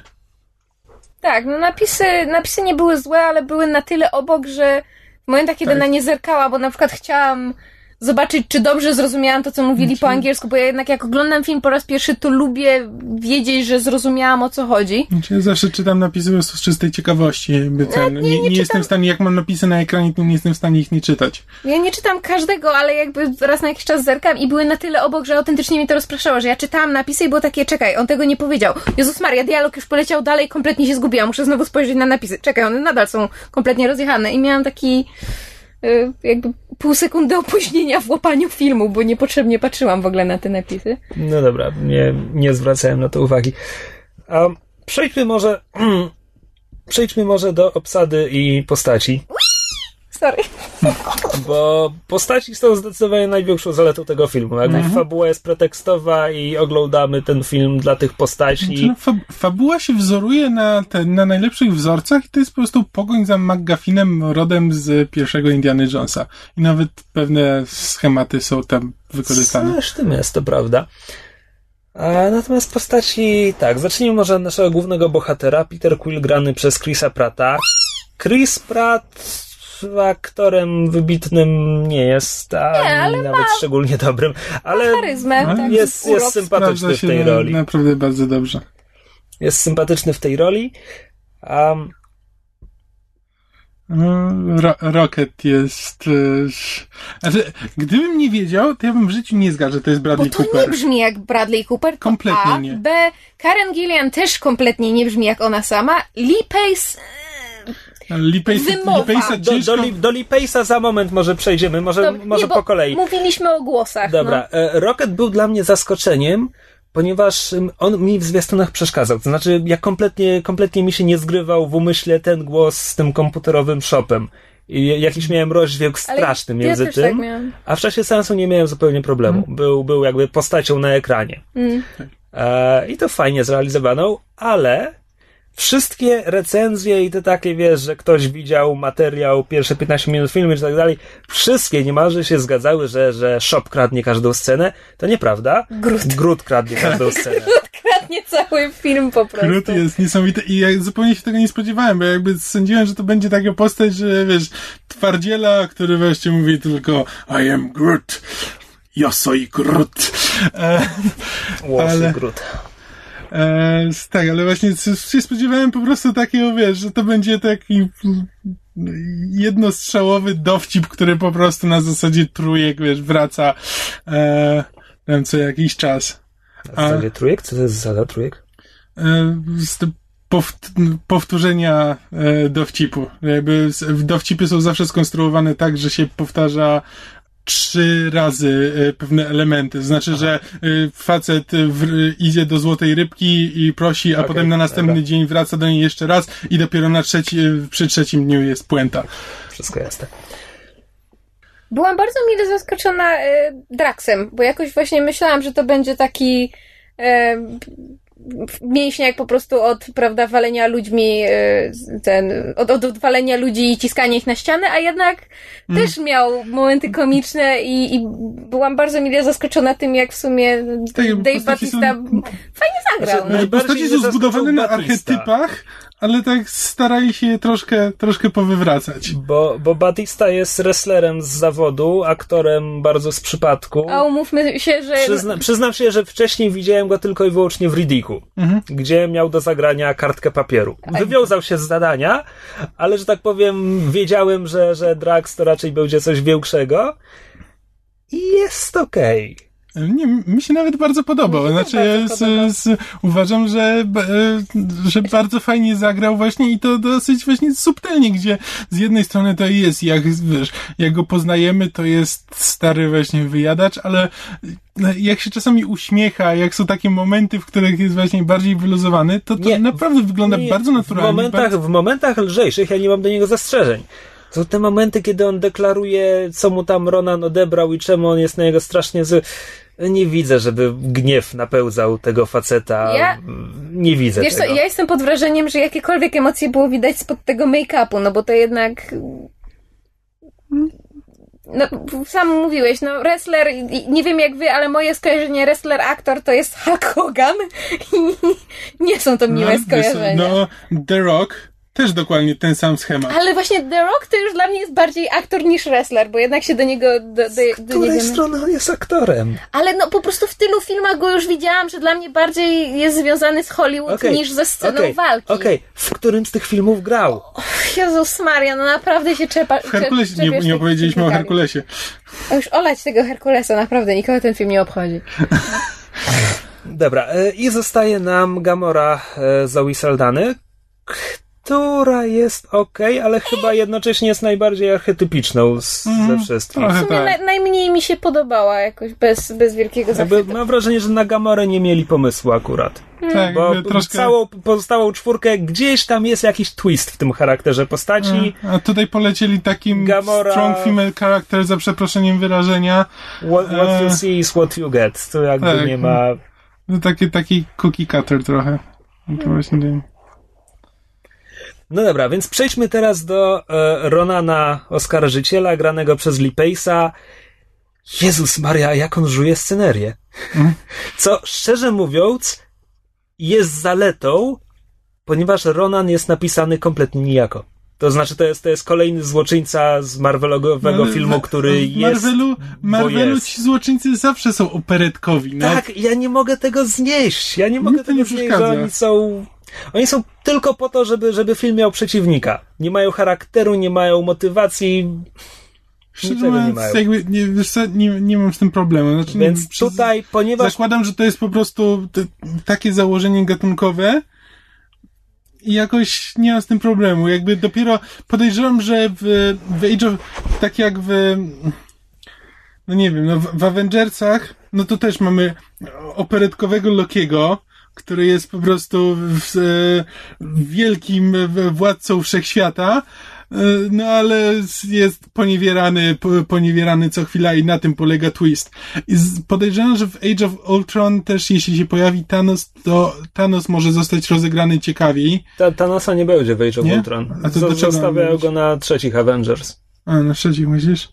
Tak, no, No to, Ultron no, ale to będzie nawet, nawet, Vision, sam, nawet no. sam Ultron może być tam Vision, czy nie wiem jak to tam... Ultron. Ultron to jest przeciwnik w Age of Ultron. A kim jest Vision? Bo ja nie, nie kojarzę. Vision to jest android zbudowany przez Ultrona.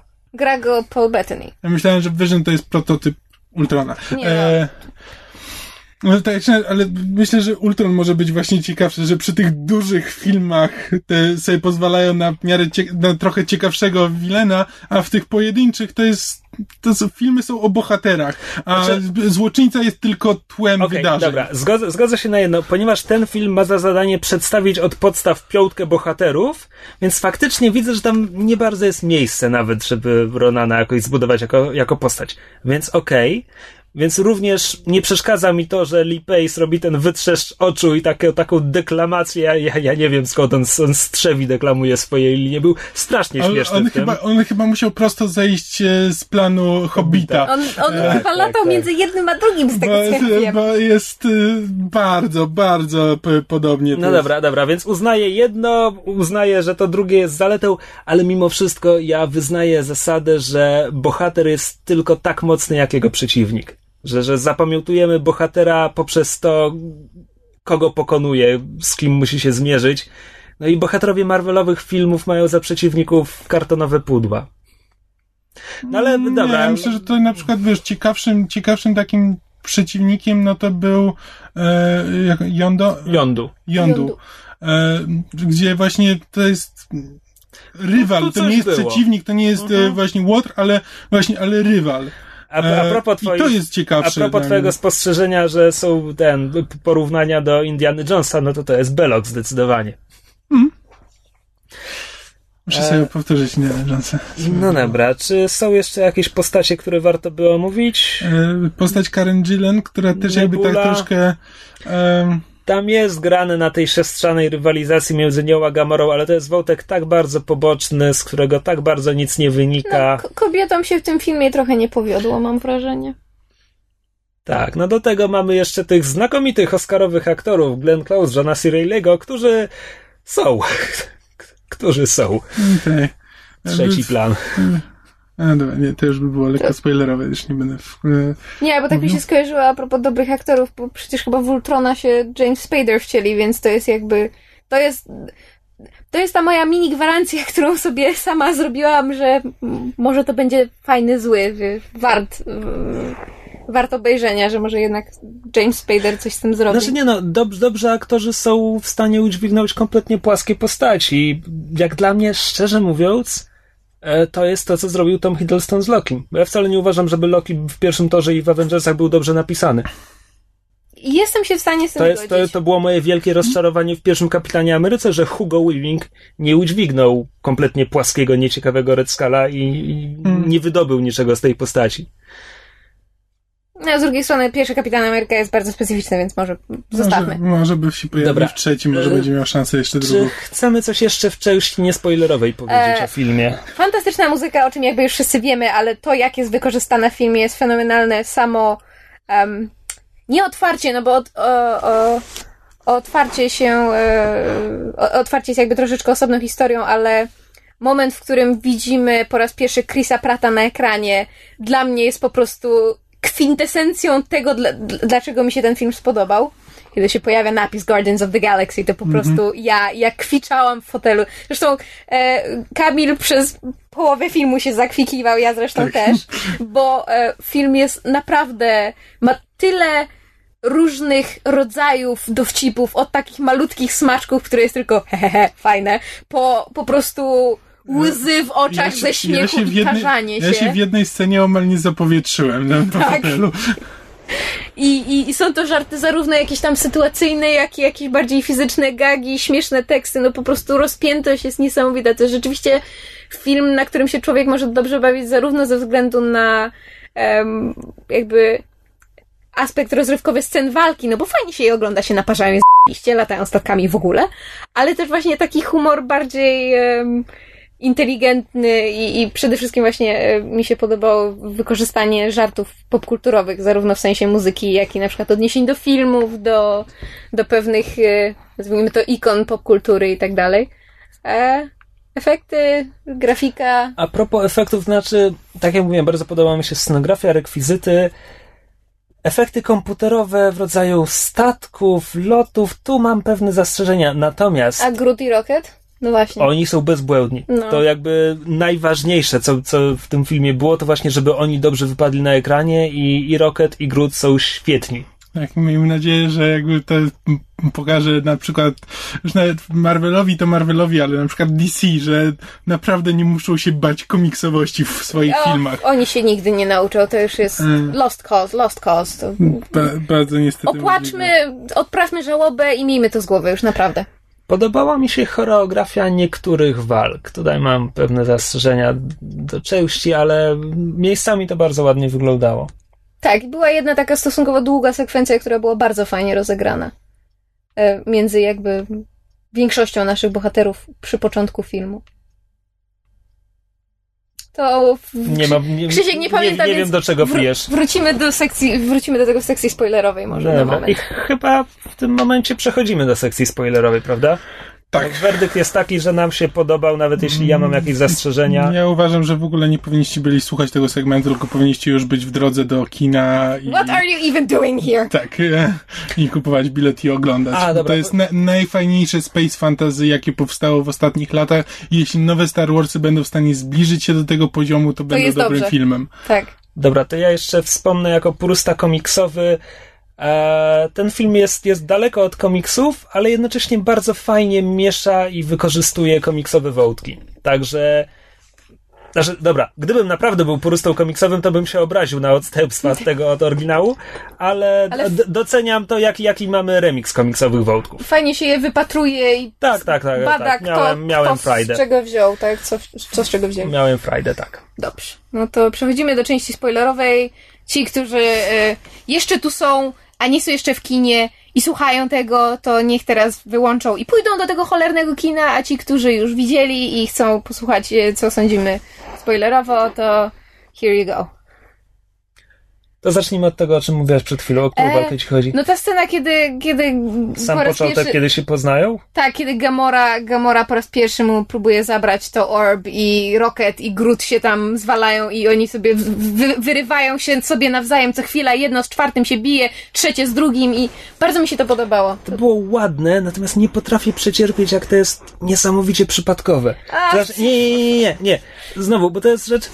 Ja nie miałbym nic przeciwko temu, gdyby, gdyby oni wszyscy się poznali, bo, bo, bo Quill ma kulę, Gamora chce kulę, a, Rocket i Groot e, chcą Quilla, bo jest za niego nagroda. To byłoby spoko. Ale nie, film nam wyraźnie mówi, że Shop i, i, i drzewo po prostu stoją tam sobie w tym mieście i przypadkiem odkrywają, że o, to jest Quill i przypadkiem dowiadują się, że to jest nagroda i to jest tak strasznie... No to jest kosmos, tam są tysiące planet i, i oni naprawdę tak przypadkiem się minęli na ulicy.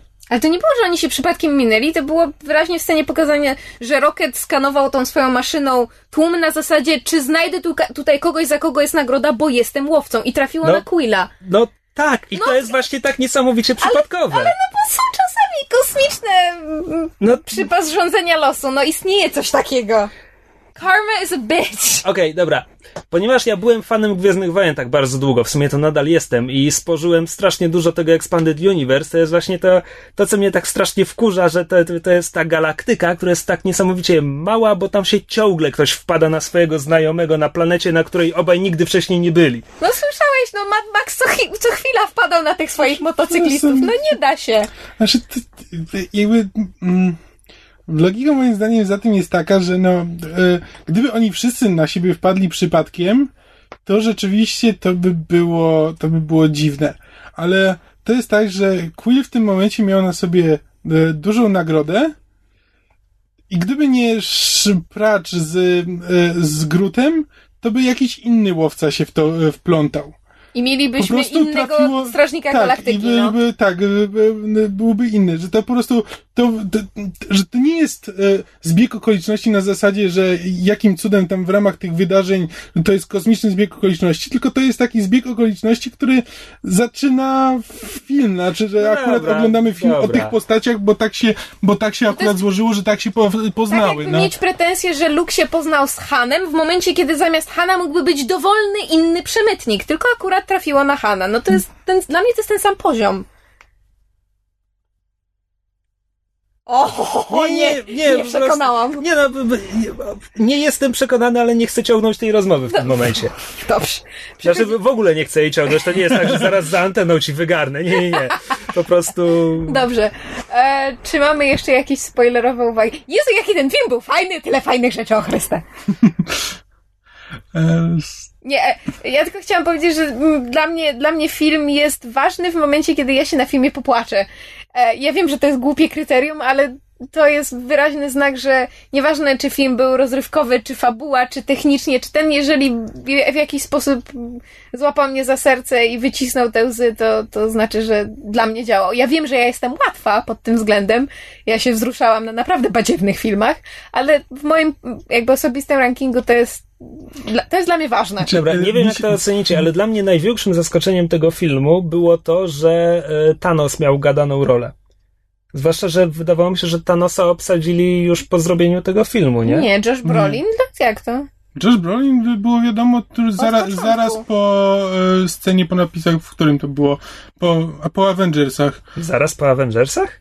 Niedługo po Tak. Avengersach by ogłosili, że Josh Brolin będzie grał Thanosa. Tak, tylko wszyscy się zastanawiali, To w jakim z- zakresie się pojawi w Guardiansach. Okej, no. to pewnie zdążyłem o tym zapomnieć. Okej. E, Thanos swoją drogą... Fioletowy chłystek w fotelu, no co to ma być? Nie no, ma, ma- swój, ma swój styl, Znaczy, tak? On, on zatrudnia, zatrudnia ludzi, żeby No, robili co? rzeczy za niego. Thanos równie dobrze mógłby być tutaj Blofeldem. On robi, on robi za Blofelda, po prostu siedzi w fotelu i rozgrywa ten, i rozgrywa e, swoje pionki. Ale zabili Aleksisa Denisowa. Kto?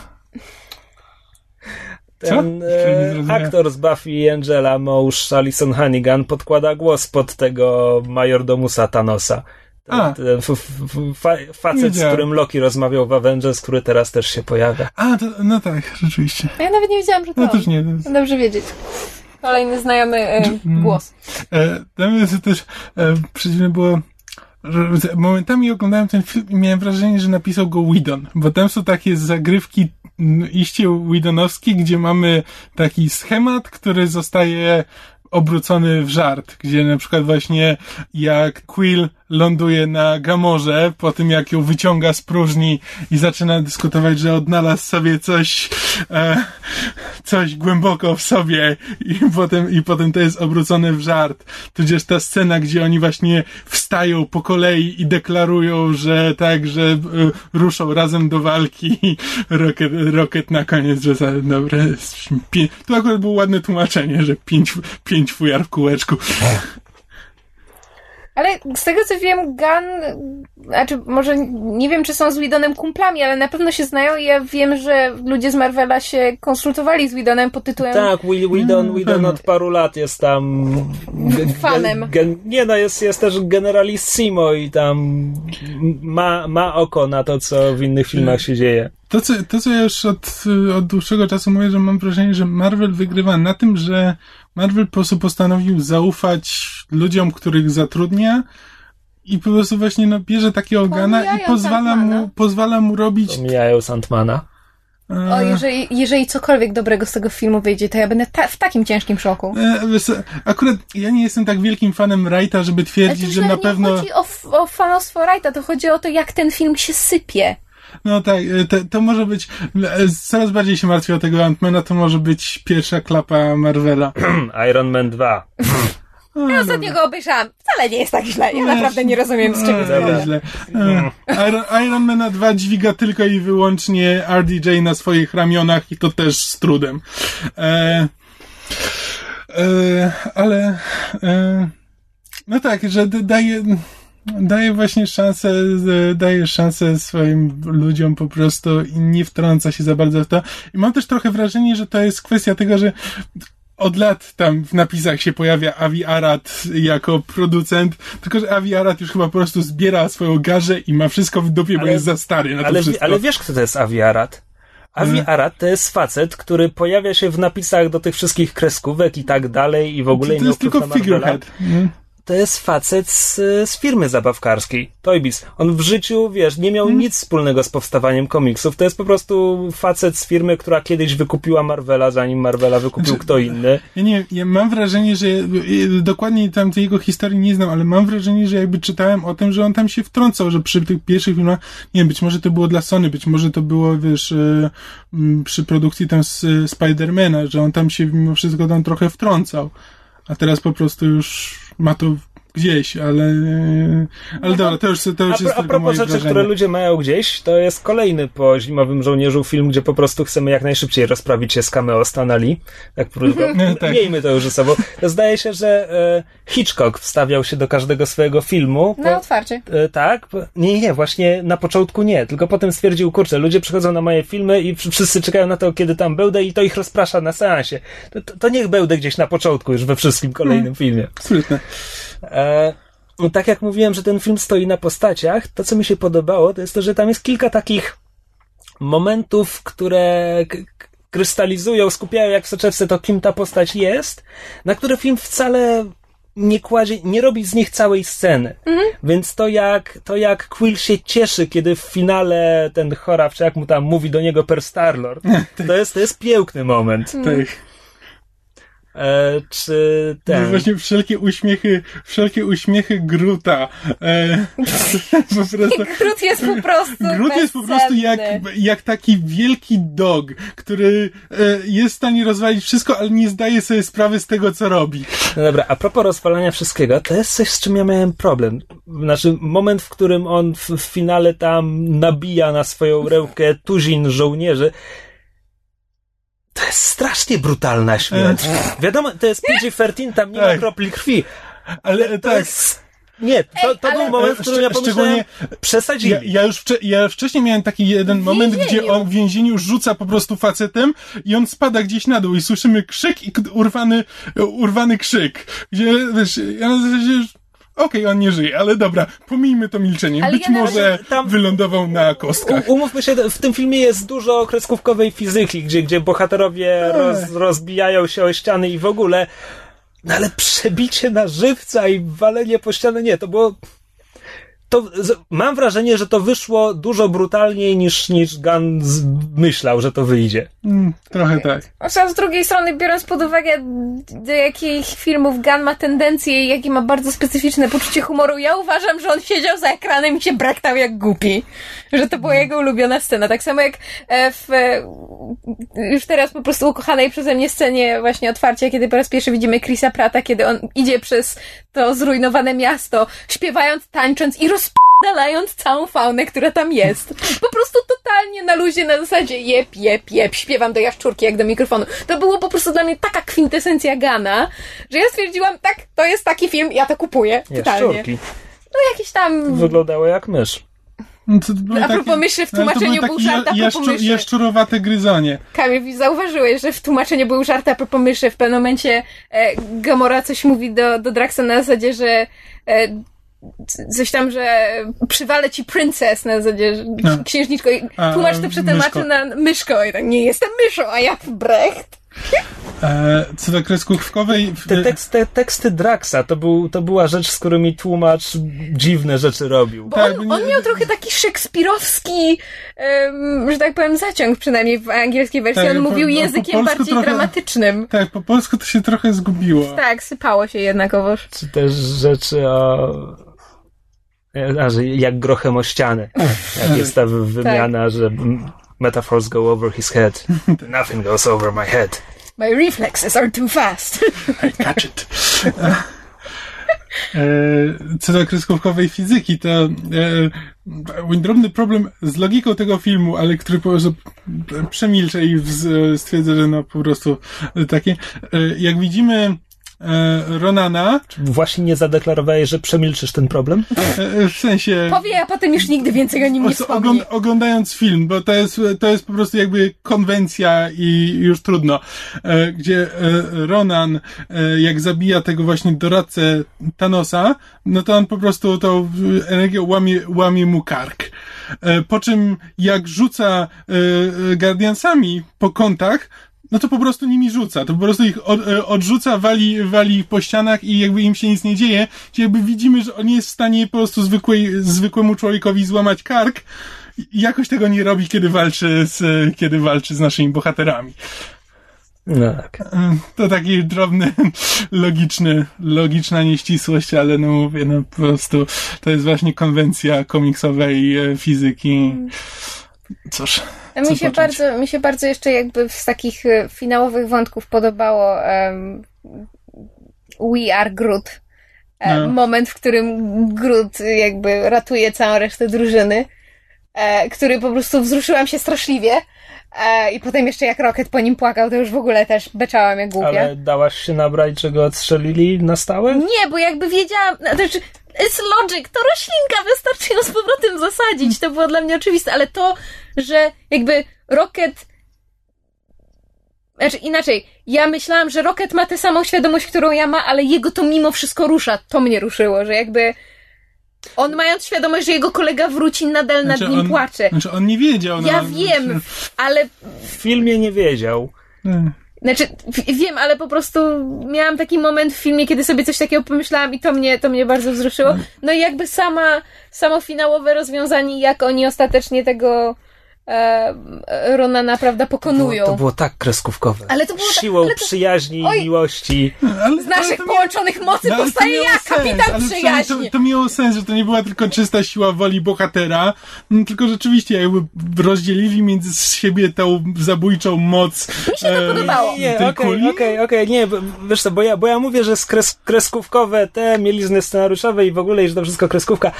Problem w tym, że to jedna z moich ulubionych kreskówek, to znaczy te, ta scena, dwie sceny w tym filmie tak mi się kojarzyły z kreskówką o X-Menach e, z Fox Kids, X-Men TAS. Właśnie to trzymanie się za ręce, żeby tam siły życiowe i coś tam. E, kres, jak kreskówka robiła adaptację sagi Feniksa. W komiksowej sadze Feniksa Jean Grey ginie, w kreskówkowej natychmiast zmartwychwstaje, ponieważ oni łapią się za ręce w kółeczko i Feniks odbiera ten część siły życiowej każdego z nich i wskrzesza Jean Grey. Więc to mi się to było pierwsze, co mi się skojarzyło. A drugie to jak e, w kółeczku wstają i po, po kolei przyłączają się do Quilla, to jest jedna z moich ulubionych scen z tamtej kreskówki, to jest finał pierwszego sezonu. Jak decydują, czy, czy, czy pomóc ten człowiekowi, który nienawidzi mutantów i ten, i wszyscy ostatecznie po kolei się decydują i tylko Magneto za nimi patrzy i mówi, że są idiotami. Dla mnie ta scena w finale jeszcze, e, nie wiem czemu miałem skojarzenia z Naruto. Jakoś tak oglądałem, bo to jest takie animicowe właśnie, wiesz, siła przyjaźni. Jeśli staniemy razem, to nikt nas nie pokona.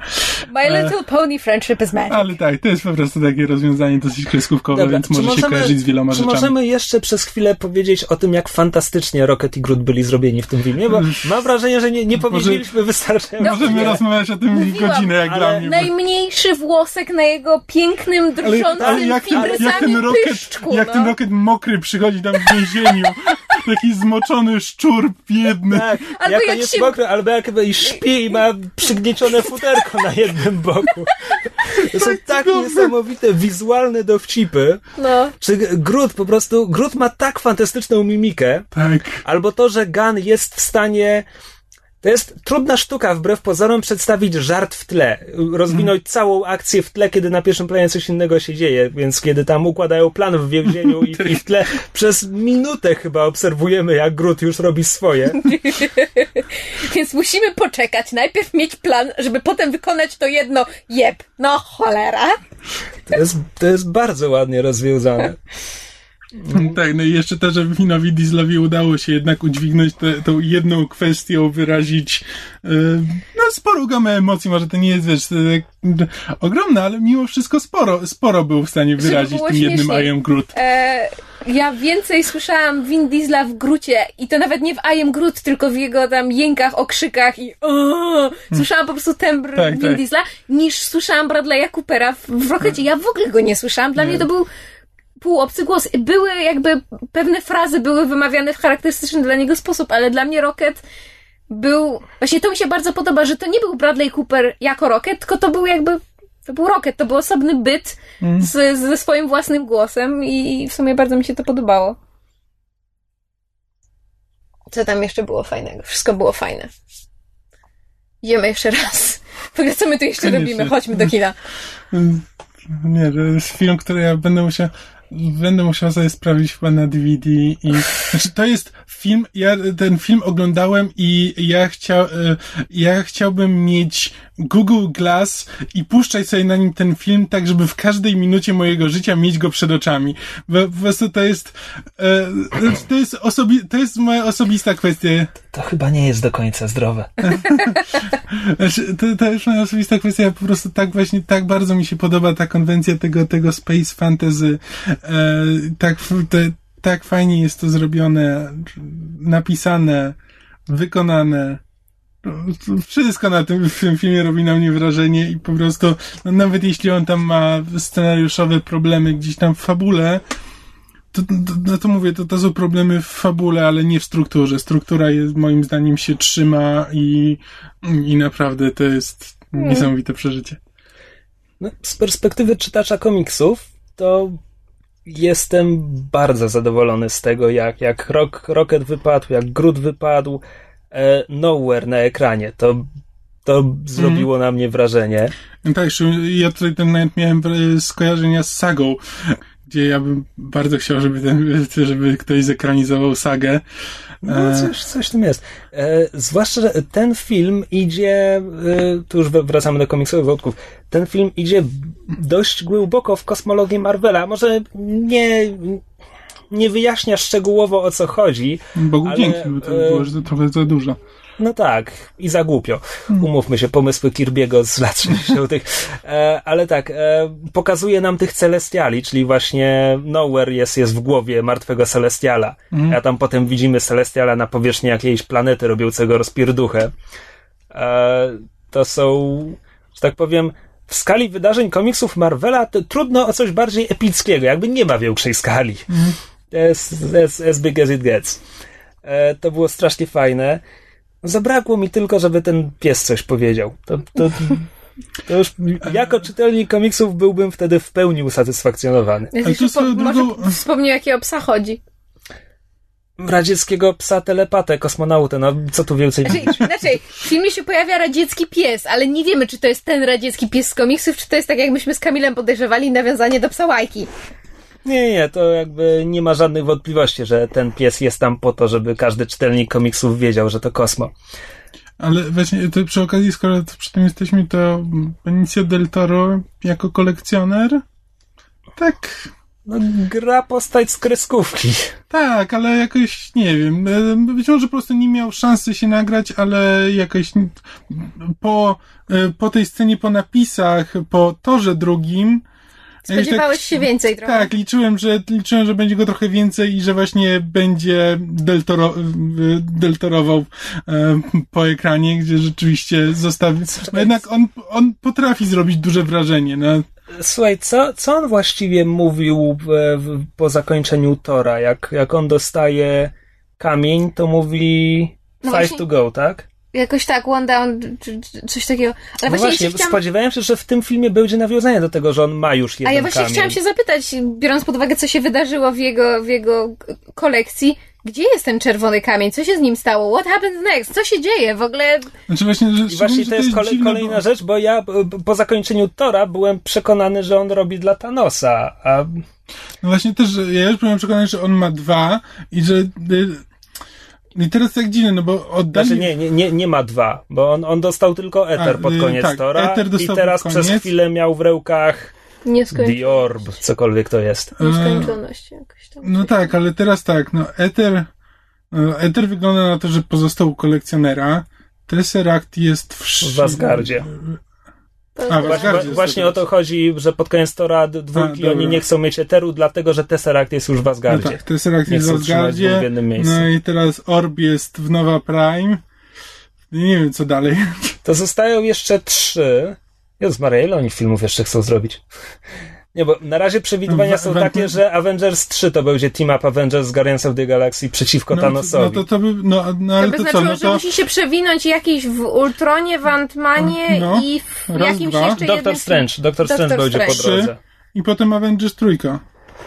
Wiesz, oni nie muszą robić Nie, całych a, a Guardians dwójka kiedy mają być? Po, po trzecich Avengersach? Chyba tak. Nie wiem.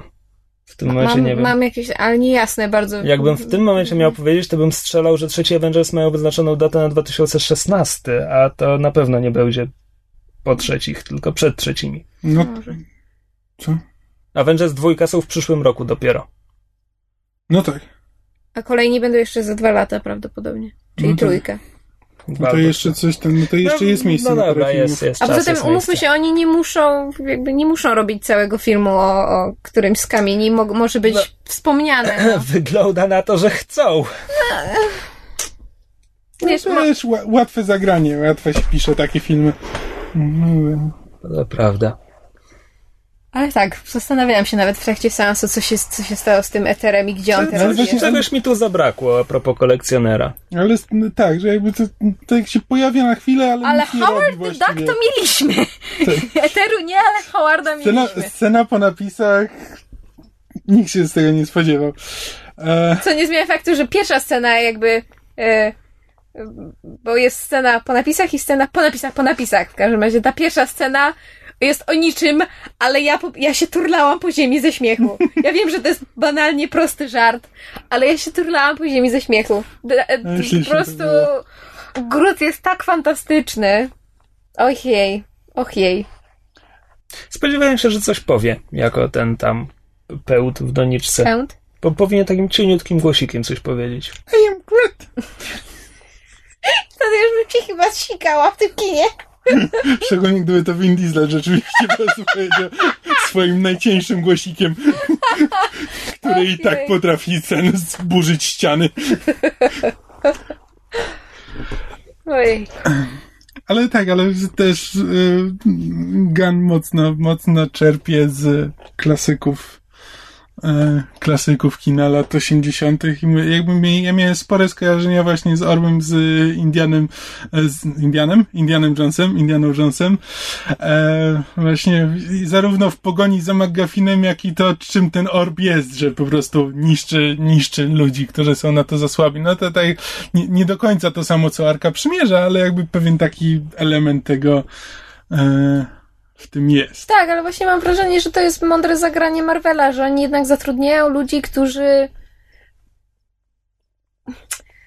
znają się na, na popkulturze i umieją z niej korzystać i czerpać i przeinaczać i remiksować, no.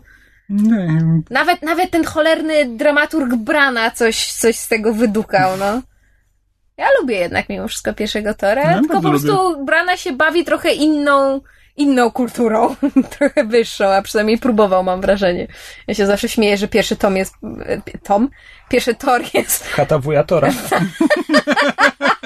nie wiesz, I have Hiddleston on the brain, e, że pierwszy Thor jest taki bardzo, e, że tak powiem, hamletowski. Ale właśnie mam wrażenie, że to jest, to jest bardzo mądra decyzja, czy kierunek, który Marvel obrał, żeby brać właśnie ludzi, którzy umieją się bawić kinem, bo Whedon to ma, Gunn to ma, e, Wright to ma, ale go nie chcieli i ten e, Peyton Reed, którego zatrudnili do Antmana, to też jest facet, który umie się bawić popkulturą, bo ja oglądałam jego poprzednie filmy. I to też jest facet, który ma polot. On jest zupełnie innego rodzaju kina, dlatego się bardzo martwię o tego Antmana, ale to też jest facet, który jakby ma z tego Friday i to widać. No, już nie, nie demonizujmy tak strasznie Warner Brosów. Zack Snyder też ma swoich fanów. Ja, ja się nawet pośrednio do nich zaliczam, ale po prostu widzę pewną, pewną lepszy Snyder tendencję. niż Michael Bay. Tak. ale poniekąd, poniekąd widzę ich jako równorzędnych. Tak. Tylko, że Snyder jest trochę większym geekiem niż, niż Bay.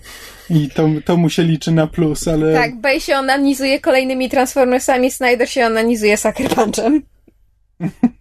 okej. No i umówmy się, no to jest jeden wielki fabfest. Ja bardzo lubię Sucker Punch, ale to nie jest film, w którym należy szukać treści. Mm, Ale chyba schodzimy z tematu. Schodzimy z tematu. Tak, e, Jaki był temat? Guardians Ja of the wiedzę. Galaxy. E, no, to chyba tyle od nas. E, nie sądzę, żeby nam przyszły do głowy jeszcze jakieś sensowne uwagi, nie, że te, które były do tej pory były sensowne. E, bardzo gorąco film polecamy, wszyscy powinni na niego pójść, e, jeśli jeszcze nie poszli. E, a jeśli nie poszliście, no to co tu jeszcze robicie? idźcie na ten film. Jak go widzieliście, idźcie jeszcze raz.